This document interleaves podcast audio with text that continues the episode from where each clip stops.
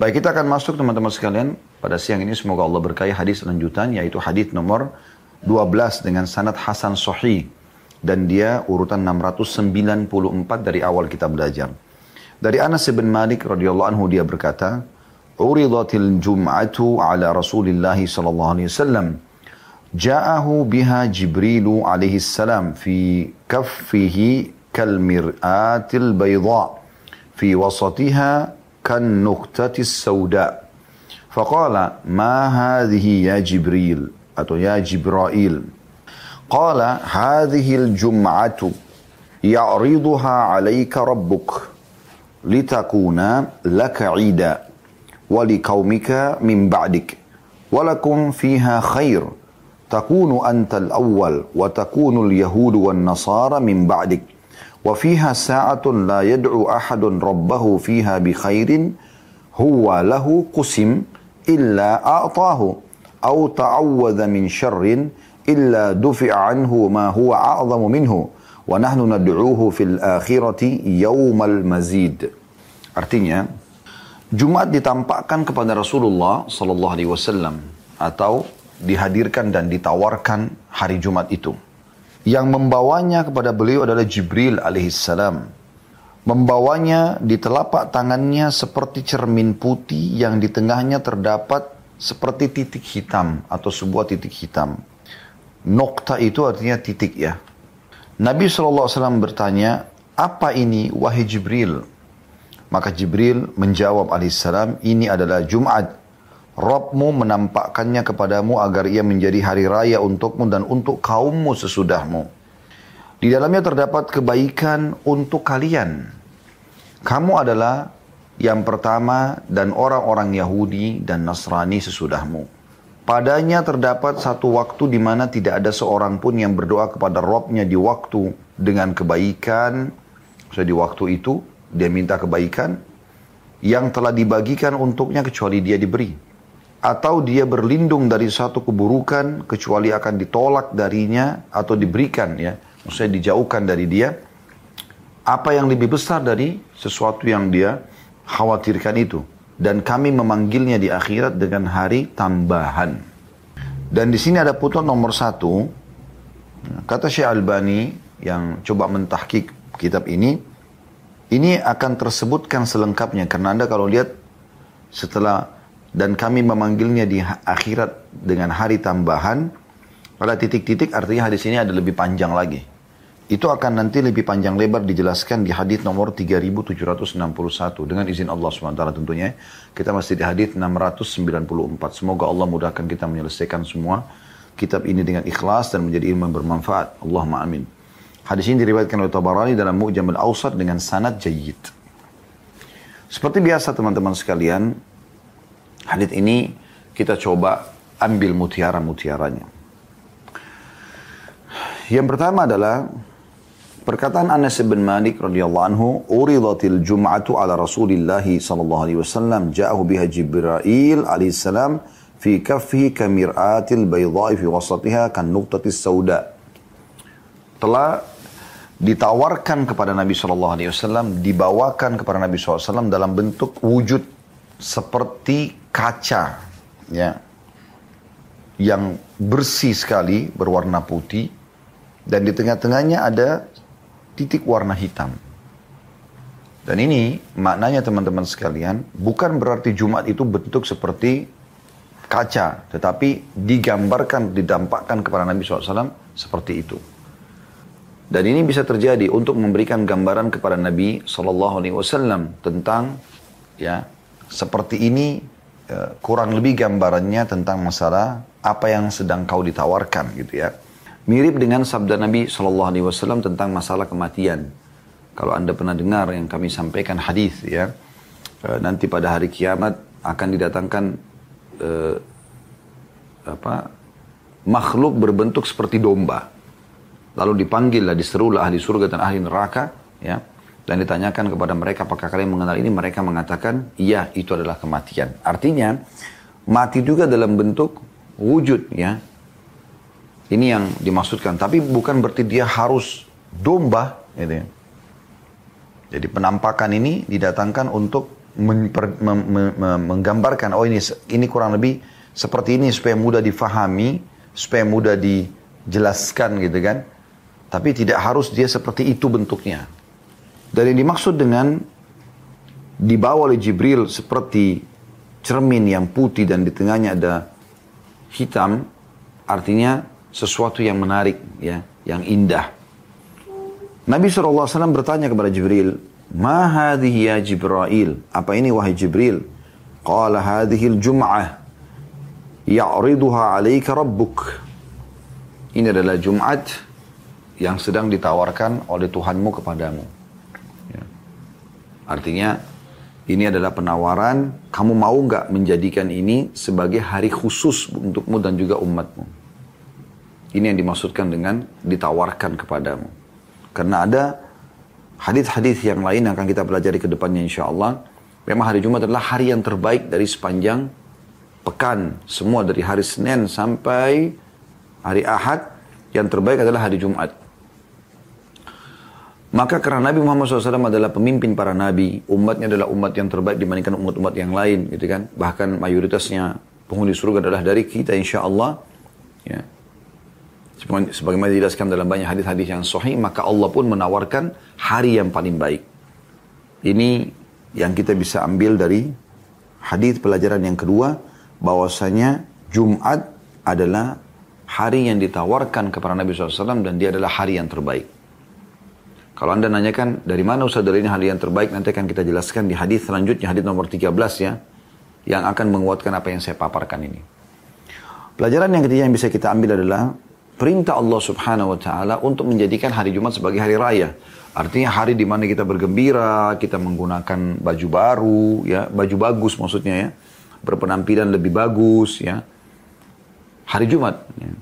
Dan saya yakin mungkin setiap orang muslim bisa merasakan hari Jumat seperti ada kekhususan gitu seperti tadi kita sholat Jumat seperti ada sesuatu yang sangat indah gitu ya pada saat kita kerjakan Jumat dan kita bubar dari Jumat, kita pulang ke rumah atau mungkin teman-teman ada yang masih beraktivitas di kantor seperti kami sama teman-teman yang di kantor Jazakumullah khair kami kembali kantor.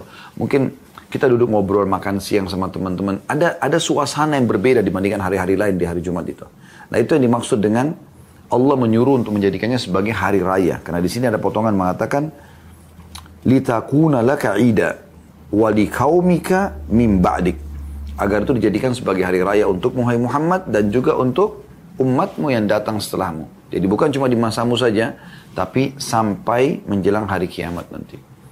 Selalu umat Islam memuliakan hari Jumat. Ya, itu yang dimaksud. Mutiara yang ketiga, yang keempat adalah walakum fiha khair. Dikatakan bahwasanya di situ ada kebaikan untukmu, untuk kalian. Kebaikan di sini khair bermakna umum. Artinya semua jenis kebaikan Allah akan berikan di hari Jumat. Keberkahan dalam rumah tangga, keberkahan dalam rezeki, ya aktivitas. Hari Jumat itu Allah muliakan, Allah khususkan gitu. Itu yang dimaksudkan dengan makna khair. Artinya Allah tumpukan, Allah berikan seluruh kebaikan yang ada di hari Jumat itu. Maka kita sangat baik ya memuliakan hari Jumat ini mungkin dengan menggunakan pakaian khusus, mungkin ya, sebagaimana kita tahu kita sudah jelaskan pada beberapa hadis yang sebelumnya ya, dari hadis pertama sampai hadis yang ke-11 tentang masalah anjuran untuk mendatangi sholat Jumat pakai baju bagus, uh, mandi, pakai wangi-wangian. Jadi memang dikhususkan gitu dan itu ada keutamaan khususnya gitu. Tadi saya sempat ingatkan kepada anda hadis nomor 11 siapa kata Nabi SAW siapa yang mandi ya, membersihkan dengan rapi rambut eh, apa mandi lah ya mencuci rambutnya kepalanya dengan bersih badannya juga dengan bersih kemudian dia ya, mendengarkan khatib dia datang cepat, maka pahalanya setiap langkah kakinya seperti sholat malam setahun dan puasa setahun. Bayangkan setiap langkah. Sementara kita ke masjid tidak mungkin satu langkah. Walaupun rumah anda dekat masjid. Dari pintu rumah anda mulai anda melangkah. Ini rumah anda, ini masjid. Tetap anda melangkah dari sini, mungkin minimal 10 langkah. Kalau setiap langkah satu tahun pahala sholat dan sholat malam ya, dan puasa, 10 langkah berarti 10 tahun. 50 langkah berarti 50 tahun. 100 langkah berarti 100 tahun. Bayangkan mulianya hari Jumat itu. Itu tidak terjadi pada sholat-sholat wajib yang setiap hari kita kerjakan. Gitu ya. Oleh karena itu, wahai muslimin, perhatikan baik-baik masalah Jumat ini. Yang masih selalu lalai dengan sholat Jumat, mendahulukan jalan di tol menuju ke satu tempat, dan tidak ada uzur gitu, kecuali memang anda harus safar di hari Jumat itu beda. Sehingga anda, kalau orang musafir ada hukum tersendiri ya, gugur dari dia hukum Jumat gitu.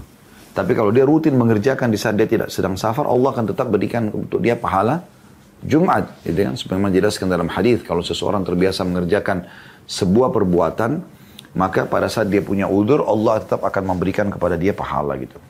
Jadi di situ ada semua kebaikan. Ini faedah yang keempat. Yang kelima adalah takunu antal awal wa takunul yahud wa nasara min ba'dik. Kamu yang pertama ditawarkan, kalau kau menolak, baru ditawarkan kepada Yahudi dan Nasrani. Jadi Nabi Muhammad SAW didahulukan di sini. Dalam hadis yang lain, kata Nabi SAW, ya, Yahudi memilih hari Sabtu hari raya mereka, Nasrani hari Ahad, dan aku diberikan petunjuk ke hari Jumat. Ya. Jadi Nabi SAW mendapatkan ini sesuai dengan petunjuk dari Allah Subhanahu Wa Taala. Dan itu penawaran khusus dari Allah Subhanahu Wa Taala. Tentu Nabi SAW menerimanya. Ya. Tidak mungkin ada orang ditawarkan oleh sang pencipta Allah kebaikan lalu menolak. Apalagi seperti figur Nabi Muhammad SAW. Dan akhirnya kita bisa menikmati hari Jumat seperti sekarang. Sallallahu alaihi wasallam. Semoga Allah balas Nabi SAW dengan semua kebaikan yang telah beliau lakukan untuk umatnya. Itu pelajaran yang kelima yaitu penawaran ini diberikan kepada Nabi SAW. Tentu makna hadis adalah kalau Nabi SAW menolak baru ditawarkan kepada Yahudi dan Nasrani. Yang keenam, wa fiha sa'atun la yad'u ahadun rabbahu fiha bi khairin huwa lahu qusim illa atahu aw ta'awwadha min syarrin illa dufi anhu ma huwa a'zama ini mutiara yang keenam. Dan di hari Jumat itu ada waktu di mana tidak ada seorang pun muslim berdoa dari kebaikan kecuali Allah akan kasih. Yang sudah yang boleh dia dapatkan. Dan tidak ada sesuatu keburukan yang dia berlindung darinya kecuali Allah akan selamatkan dari keburukan yang lebih buruk daripada apa yang dia berlindung darinya. Yang lebih besar daripada itu. Misalnya dia berlindung daripada diganggu orang, Allah selamatkan dia bahkan dari dibunuh, dibunuh oleh orang, lebih besar gitu. Nah ini faedah yang keenam. Kita ambil faedah penting di sini teman-teman sekalian dalam potongan hadis Nabi SAW dan tidak ada seseorang pun yang berdoa. Ya, di hari Jumat itu dari kebaikan kecuali Allah berikan yang telah di, tentukan untuk dia. Di sini ada dua hal yang kita titik beratkan. Yang pertama adalah berarti hari Jumat itu ada waktu mustajab. Dan ini khilaf di antara ulama tentang masalah waktu mustajab itu. Ada yang mengatakan sepanjang hari Jumat. Ada juga yang mengatakan pada saat khatib dari duduk di khutbah kedua sampai diikamahkan sholat, makanya khatib di khutbah kedua berdoa. Ada juga yang mengatakan selepas asar sampai terbenam matahari. Dan dari semua pendapat ini yang paling kuat sebenarnya, yang paling secara dalil ya, yaitu selepas asar. Ya. Karena Nabi SAW menyebutkan dalam hadis lain bahwasanya di hari Jumat itu ya e, selepas asar ya, sampai terbenam matahari itu ada waktu mustajab dalam ada beberapa asar disebut atau beberapa riwayat disebutkan ya. Artinya Nabi SAW mengatakan hari Jumat adalah hari yang mulia, tidak ada seorang muslim berdoa kecuali Allah terima dan kejarlah waktu mustajab itu selepas asar sampai terbenam matahari. Hadis itu hadis sahih riwayat Imam Muslim. Dan juga para salafus salih dinukil dari asar-asar mereka, ya, kalau selepas sholat asar di hari Jumat, mereka pada menyebar di sekitar masjid, ya, di pojok-pojok masjid untuk berdoa kepada Allah SWT sampai terbenam matahari. Karena mereka kejar waktu mustajab ini. Yang kedua, maksudnya dari dari poin ini ya, dari mutiara yang keenam yang kita bisa ambil di sini adalah yang perlu kita jelaskan maknanya, yaitu potongan yadu ahadun la yadu ahadun rabbahu bi fiha bi khairin huwa lahu qusim illa ata. Potongan huwa lahu qusim, sesuatu yang telah dibagikan gitu untuk dia. Maksudnya kebaikan kan banyak ya. Tetapi yang bisa dia dapatkan contoh misalnya Menikah kan baik. Ya. Menikah baik. Dia minta, ya Allah mudahkan pernikahan saya misalnya. Kan baik.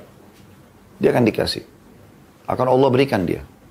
Tetapi di sini, dia tidak dikasih kalau dia minta dari kebaikan itu tapi bukan hak dia seperti misalnya dia mengatakan ya Allah mudahkan saya menikah sama istrinya si fulan itu sudah jadi istri orang sebenarnya menikah baik tapi meminta ini tidak boleh gitu jadi maknanya adalah yang dia bisa dapatkan yang memang tidak ada penghalang syar'inya gitu ya begitu juga dengan keburukan ada sesuatu yang dia khawatirkan sore ini kesempatan teman-teman sekalian berdoa apa yang anda khawatirkan anda terlilit utang penyakit yang belum sembuh belum punya keturunan, belum punya pasangan, belum punya modal usaha, ya. Ada gang, ada orang-orang yang Anda khawatirkan mengganggu Anda, semua sampaikan kepada Allah Azza wa Angkat tangan habis asar. Berdoa kepada Allah SWT. Hari Jumat ini. Laki-laki dan perempuan. Perempuan di rumahnya boleh. Selepas sholat asar. Berdoa kepada Allah SWT. Sampaikan semua. Dari semua kebaikan Anda minta. Semua keburukan Anda berlindung darinya. Dan luar biasa dalam hadis ini adalah dia akan diberikan kebaikan yang dia minta dan kalau dia belum dari keburukan Allah akan selamatkan dia dari yang lebih besar dari keburukan yang dia berlindung itu.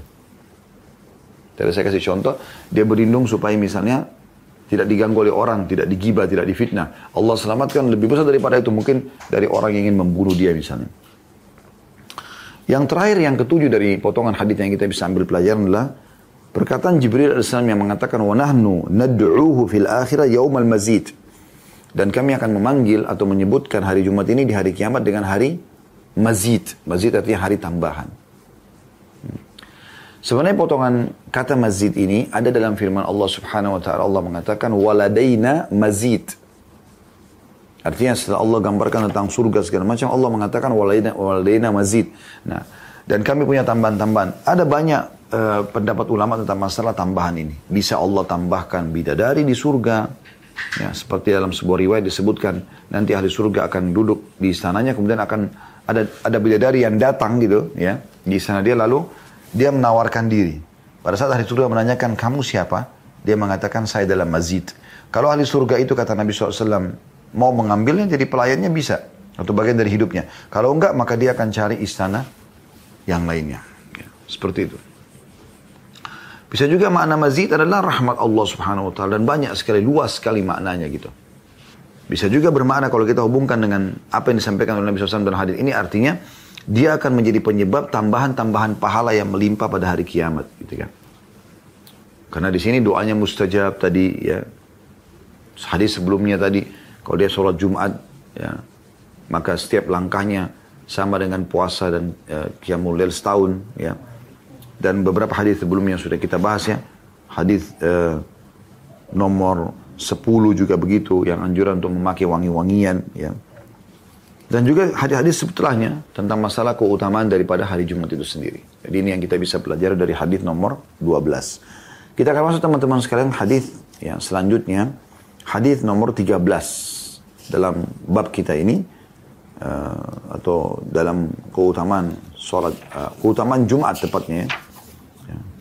Saya coba uh, baca kembali nama babnya di kitab Jumat di bab nomor satu anjuran untuk melaksanakan sholat Jumat berangkat dan keterangan tentang keutamaan hari dan waktunya gitu. Di nomor 13 ini ada 13A dan 13B. Ya. Dalam satu urutan hadis ada dua buah hadis ya. Dan dari awal kita belajar urutannya 695. Saya akan bacakan 13a dengan sanad sahih dari Abu Hurairah radhiyallahu anhu. Dia berkata, Rasulullah sallallahu alaihi wasallam bersabda, "Khairu yaumin tala'at alaihi syamsu yaumul jum'ah. Fihi khulika Adam wa fihi dakhala al-jannah wa fihi ukhrija minha." Sebaik-baik hari di mana di mana matahari terbit padanya adalah hari Jumat. Ini berarti keutamaan Jumat ya. Sebaik-baik hari di mana matahari terbit padanya. Kan setiap hari matahari terbit ya. Berarti semua hari-hari, Senin, Selasa, Rabu, Kamis, Jumat, Sabtu, Ahad, yang paling baik adalah Jumat. Sebaik-baik hari di mana matahari terbit padanya adalah hari Jumat. Padanya Adam diciptakan, padanya dia dia masuk ke surga dan padanya dia dikeluarkan darinya. Hadis riwayat Muslim, Abu Daud dan juga At-Tirmidzi dan An-Nasai. Kemudian hadis 13b saya langsung bacakan sekalian dengan sanad sahih Diriwayatkan pula oleh Ibnu Khuzaimah dalam sahih dan, dan lafadznya adalah dia berkata, "Ma tala'ati syamsu wa la gharabat ala yawmin khairin min yawmil jum'ah. Hadana Allahu lahu wa dhalla an-nasu anhu. Fihi tabi' atau taba'. Fan-nasu lana fihi taba'. Fahuwa lana. Walil Yahudi yawmus sabt. walin nasara yaumul ahad. Inna fihi la sa'atan la yuwafiquha mu'minun yusalli yas'alullaha syai'an illa a'tahu. Matahari tidak terbit dan tidak terbenam pada suatu hari yang lebih baik daripada hari Jumat. Allah memberikan petunjuk kepada kita untuknya. Sementara orang-orang tersesat darinya. Orang-orang terhadap hari Jumat adalah pengikut-pengikut kita. Maka ia adalah milik kita.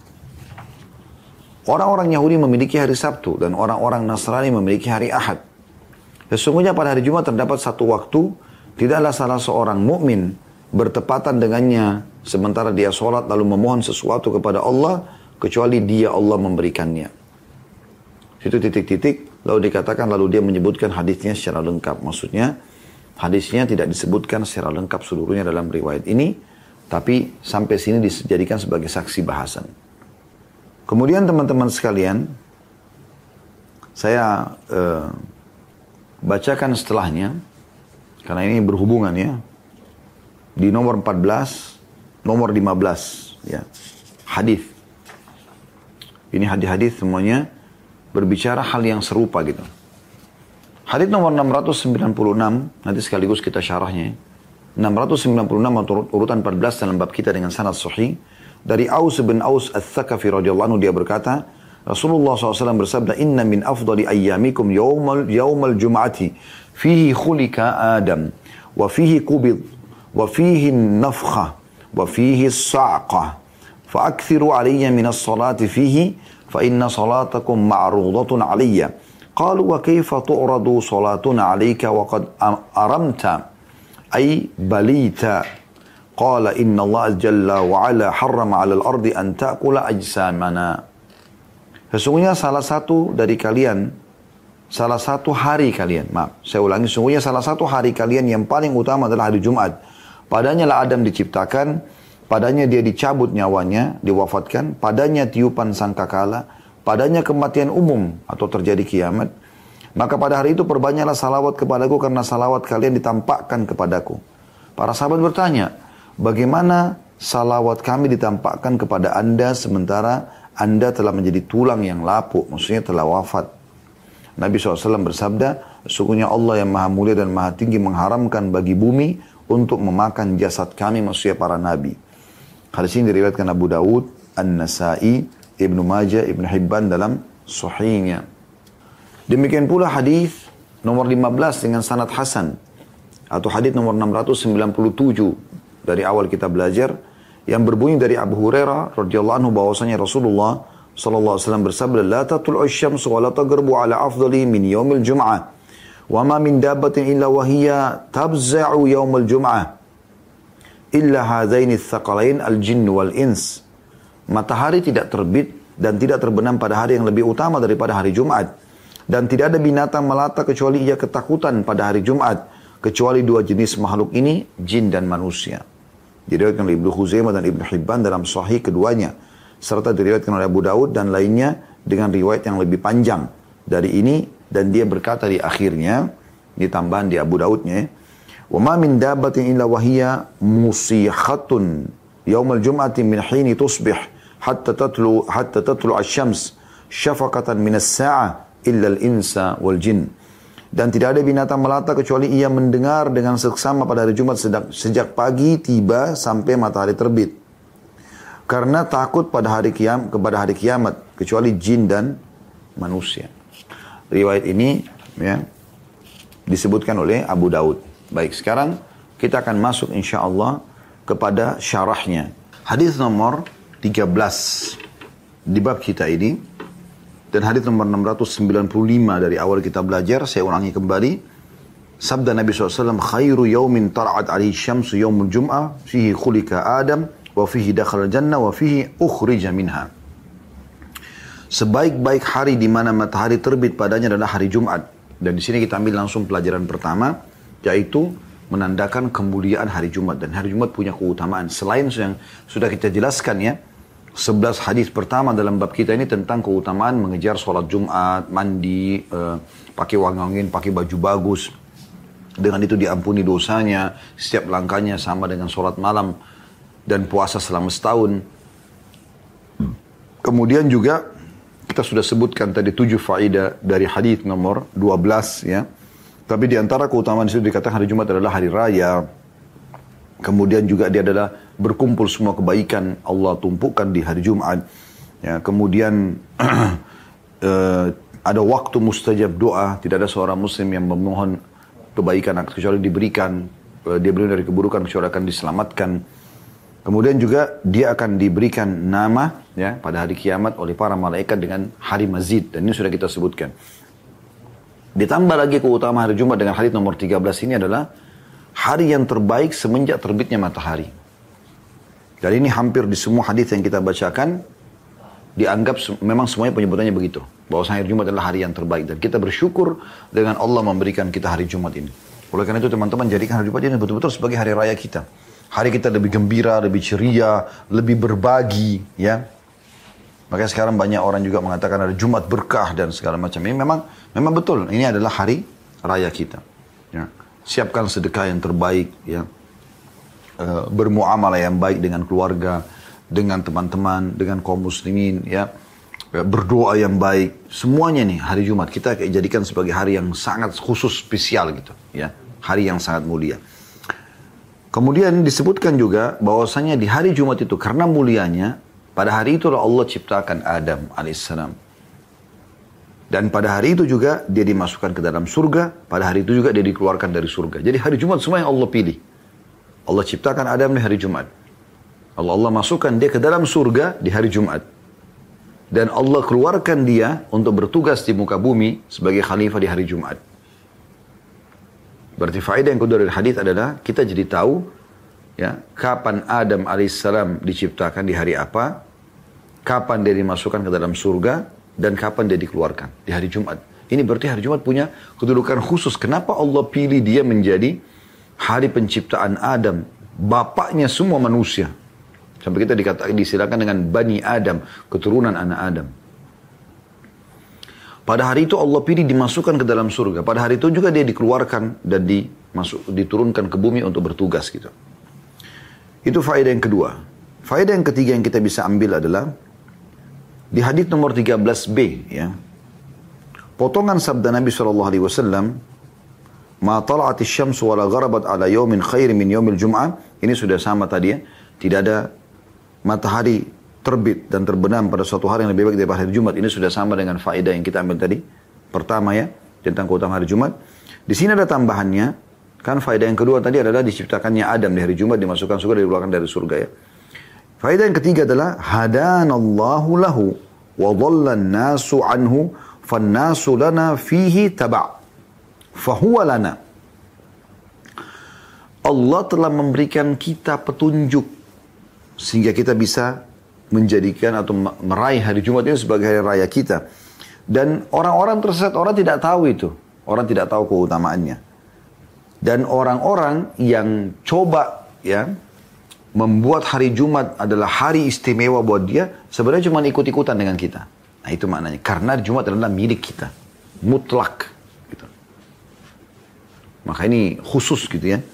Berarti di sini faedah yang ketiga yang kita bisa ambil dari hadis adalah bagaimana Allah menjadikannya sebagai petunjuk khusus. Kalau tadi hadis nomor 12, Allah berikan penawaran kepada Nabi SAW.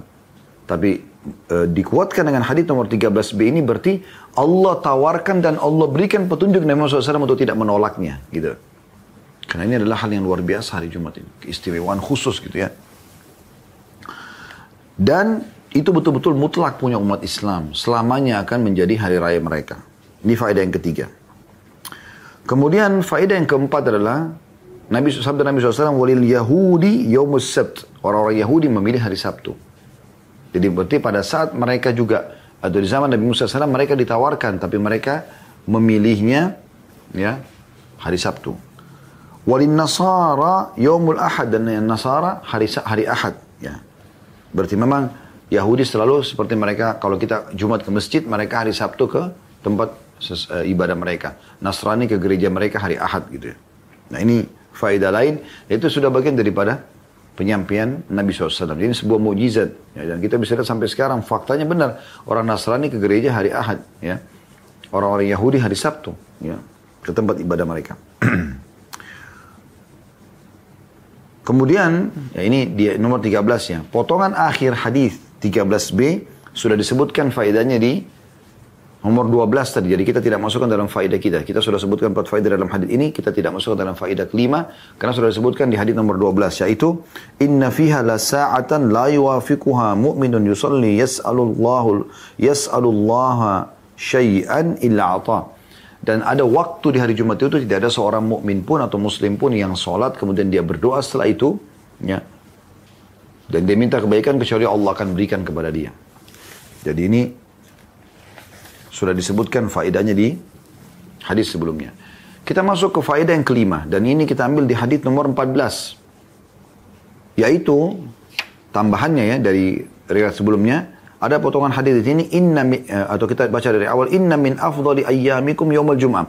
Sesungguhnya hari-hari yang terbaik adalah hari Jumat. Ini sudah masuk di faedah pertama tadi, keutamaan hari Jumat.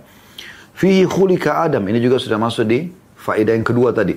Adam diciptakan pada hari itu, dimasukkan ke surga dan dikeluarkan gitu kan. Tapi sini ada tambahan wa fihi kubit. Ini tambahan faedahnya. Ya. Ini faedah yang selanjutnya ya setelah tadi kita ambil dari hadis-hadis sebelumnya, ada empat faedah.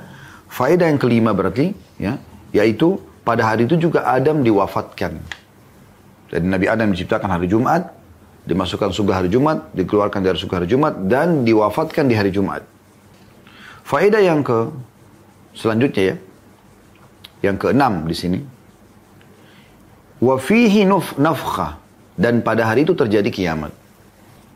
Jadi ini memang hari khusus benar luar biasa sampai Allah jadikan hari raya buat kita. Allah khususkan ada waktu mustajab. Allah jadikan itu diciptakan Adam, dia wafat di hari Jumat, dimasukkan ke surga, dikeluarkan dari surga. Dan pada hari itu terjadi kiamat. Dan ini potongan ini teman-teman sekalian, ya uh, sangat erat hubungannya dengan potongan-potongan hadis yang setelahnya tadi yang kita bacakan, ya di nomor 15 Bagaimana hampir seluruh makhluk Allah, hewan melata ya, dabba sini diistilahkan. Semua jenis hewan-hewan, kecuali mereka semua ketakutan di hari Jumat itu. Khawatir jangan sampai hari itu terjadi kiamat. Kecuali jin dan manusia, kata Nabi SAW. Mereka tidak ketakutan karena mereka belum tahu gitu. Padahal hari itu terjadi hari kiamat. Dan ini faedah yang keenam adalah terjadinya kiamat. Ya. Wa fihi sa'qah. Pada hari itu terjadi ya, kematian umum. Uh, ini diambil dari firman Allah SWT ya. Fis suri fasa'ika man fis samawati wa man fil ard. Dan ditiupkan sangkakala maka wafatlah semua yang di langit dan di bumi kecuali yang Allah kehendaki. Jadi memang ini wafihi nafkha dan wafihi sa'qa satu maknanya itu terjadi kiamat. Ini faedah yang keenam gitu. Faedah yang ketujuh yang kita bisa ambil dari hadis adalah fa'akthiru alayya minas salati fi maka perbanyaklah baca salawat untukku. Nah di hari Jumat ini lebih banyak kita baca salawat kepada Nabi Shallallahu Alaihi Wasallam. Khususkan gitu. Ya. Sebanyak mungkin anda bisa. 10 kali, 100 kali, 1000 kali. Baca semampu anda. Perbanyak salawat para Nabi Shallallahu Alaihi Wasallam di hari Jumat ini. Jadi ini menandakan juga hari Jumat hari yang istimewa karena salawat adalah ibadah yang istimewa.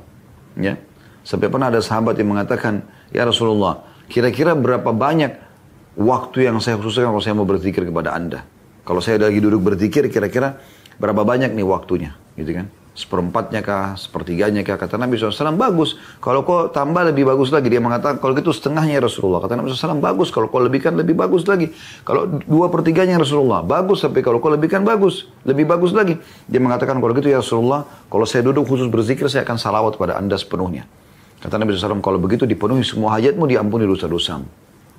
Nah, itu salawat punya kedudukan yang luar biasa. Satu-satunya zikir teman-teman sekalian yang kalau diucapkan sekali Allah akan langsung balas sepuluh kali. Diberikan rahmat, diberikan rezeki sallallahu alaihi wasallam. Maka selalu baca sallallahu alaihi wasallam sallallahu alaihi wasallam atau Anda mau ringkas baca Allahumma salli ala Muhammad Allahumma salli ala Muhammad. Berbanyak supaya Anda bisa berbanyak dan hari Jumat ini kesempatan. Anda ikuti taklim ini Anda bisa baca Allahumma salli ala Muhammad Allahumma salli ala Muhammad salli. Kita baca salawat. Ya. Banyak sekali keutamaannya gitu. Maka Nabi SAW mengatakan fa'akthiru, perbanyak. Gak disebutin jumlahnya. Berarti kalau tidak ada jumlah di sini penentuan angka, oleh Nabi SAW kita boleh baca berapa saja. Semampu anda. Lalu kata Nabi SAW, fa, fa inna salatakum ma'rudatun aliyya. Dan ini faedah selanjutnya. Faedah yang kedelapan. Walaupun dia masih membahas tentang salawat kepada Nabi SAW. Tapi yang kita perlu titipkan maknanya. Fa inna salatakum ma'rudatun alaiya. Sesungguhnya salawat yang kalian ucapkan untukku akan dibawakan kepadaku atau ditampakkan kepadaku. Ya. Qalu wa kaifa tu'radu salatuna 'alaika wa qad aramta? Bagaimana ya Rasulullah salawat kami kata para sahabat ditampakkan kepada Anda sementara Anda sudah jadi mayit di kuburan atau riwayat lain balita Rupanya di sini beberapa sahabat menangkap Nabi SAW akan sama dengan kita manusia biasa. Jasadnya akan hancur dimakan oleh tanah. Karena makna daripada aramta, kamu sudah berbaur dengan tanah. Artinya sudah tidak lagi jasadnya gitu. Atau balita. Nah, sudah lapuk. Seperti umumnya mayit-mayit yang mati gitu. Maka Nabi SAW mengatakan, ya di sini faedah yang ke eh, 7 dulu, yang ke-8 di sini ya. Maksudnya adalah salawat Nabi yang kita bacakan akan diperlihatkan kepada Nabi SAW. Ini um, umatmu fulan baca salawat, umatmu fulan baca salawat, disampaikan kepada Nabi SAW. Dan Nabi bangga dengan itu. Oh ternyata fulan ini mengingatku gitu. Kita pun ya berbangga karena kita bisa membaca dan menghormati Nabi SAW sebagai guru kita, panutan kita Sallallahu Alaihi Wasallam, idola kita. Dan kita harus menjadikan beliau Tanamkan dalam diri kita, tanamkan pada diri keluarga kita, anak-anak kita. Beliau adalah idola kita. Selalu tanamkan, nak, idolamu adalah Rasulullah SAW. Sehingga selalu yang di benaknya dia adalah bagaimana Nabi. Makannya, minumnya, pakaiannya, berumah tangganya, berbisnisnya, dan seterusnya. Jadi faedah yang ya, kedelapan di sini adalah salawat yang disampaikan kepada Nabi SAW akan di ya, sampaikan kepada beliau. Faedah yang kesembilan bisa kita ambil dari hadis adalah potongan Nabi SAW. Inna Allah, inna Allah jalla wa ala harrama ala al-ardi an ta'kula ajsamana. Sesungguhnya Allah yang maha mulia dan maha tinggi mengharamkan bumi untuk memakan atau menghancurkan jasad kami para nabi-nabi. Berarti faedah di sini bahwasanya jasad para nabi-nabi utuh. Di kuburan Nabi SAW sekarang utuh jasad beliau. Dan begitu juga di kuburan nabi-nabi yang lainnya. Walaupun ya kuburan para nabi-nabi yang lain belum jelas tempatnya di mana belum jelas gitu. Ya. Yang pasti jelas adalah kuburan Nabi Muhammad SAW. Dan Nabi SAW tidak mengkhususkan mengatakan kuburannya Nuh itu di sini, Soleh itu di sini, Hud itu di sini tidak ada. Jadi tidak ada khusus Nabi SAW menyuruh para sahabat juga mendatangi kuburan para nabi-nabi. Memang tidak disebutkan. Sampai waktu menjelaskan kuburan Nabi Musa AS pun beliau cuma mengatakan dari Aqsa, dari Masjid Aqsa itu ukuran lemparan batu. Andai saja aku ada di sana, aku akan perlihatkan kalian tempatnya. Tapi Nabi nggak nggak bilang datangi khususnya itu kuburan Musa di sana nggak ada. Gitu loh. Kita kalau menyebutkan para nabi kita mengatakan Nabi Musa SAW, tapi tidak ada khusus perintah untuk mendatangi kuburan-kuburan mereka. Nah, begitu juga dengan orang yang banyak mendatangi kuburan-kuburan orang secara khusus gitu. Nah ini kalau kuburan para nabi tidak ada anjuran, bagaimana dengan kuburan-kuburan orang yang lain? Kecuali kuburan baginda Nabi Muhammad SAW. Ini khusus sekali.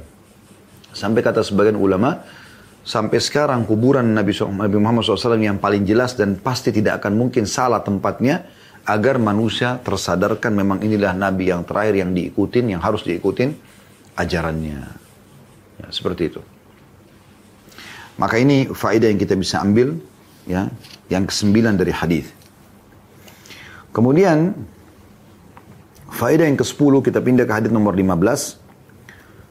Saya bacakan dulu hadisnya la tatlu'u syamsu wa la taghrubu ala ala afdali min yaumil jum'ah. Matahari tidak terbit dan tidak terbenam pada hari yang lebih utama daripada hari Jumat. Ini sudah masuk dalam faedah yang pertama dari hadis. Kemudian selanjutnya wa ma min dabbatin illa wahiyya tabza'u yaumal jum'ah dan tidak ada hewan melata di muka bumi kecuali mereka merasa ketakutan pada hari Jumat. Kenapa? Karena akan terjadi kiamat di hari Jumat. Ya. Illa hadzaini tsaqalain, kecuali dua hewan melata ini, jin dan manusia. Allah tutupin itu buat mereka sebagai ujian, ya. Di dalam riwayat yang dibawanya tadi, Wa ma min dabatin illa wahiyya musikhatun yaumal jum'ati min hini tusbih. Dan tidak ada hewan melata kecuali ia mendengar dengan seksama. Pada hari Jumat sejak pagi hingga matahari terbit. Kalau sudah terbit matahari betul sudah tidak kiamat kita. Hmm. Il syafaqatan minas sa'ah. Kena takut terjadinya kiamat. Illa al-insu wal jin. Illa al-insa wal jin. Kecuali, jin. kecuali manusia dan jin. Nah ini faedah yang bisa kita ambil dari hadis ini sebagai tambahan yaitu faedah nomor 10 bahwasanya semua hewan, semua makhluk Allah ini hewan melata tahu kapan terjadi kiamat, tidak terkecuali. Dari semut yang kecil sampai gajah yang besar, yang di darat, yang di udara, yang di lautan semua tahu kiamat akan terjadi kapan dan mereka semua ketakutan di hari Jumat seperti ini. Terutama tadi habis subuh sampai terbit matahari. Ya. Karena kalau sudah terbit matahari berarti sudah tidak terjadi kiamat. Ya. Setiap Jumat ini terjadi. Kecuali jin dan manusia. Sebagai ujian buat mereka. Gitu kan. Tapi kita sudah tahu hadis ini berarti kita harus lebih berhati-hati. Artinya hari Jumat itu kita hati-hati sekali. Selain kita muliakan, ya kita juga harus menyadari akan terjadi kiamat pada hari Jumat itu. Ya. Dan insya Allah sampai sini bahasan kita. Bi'inillahi ta'ala.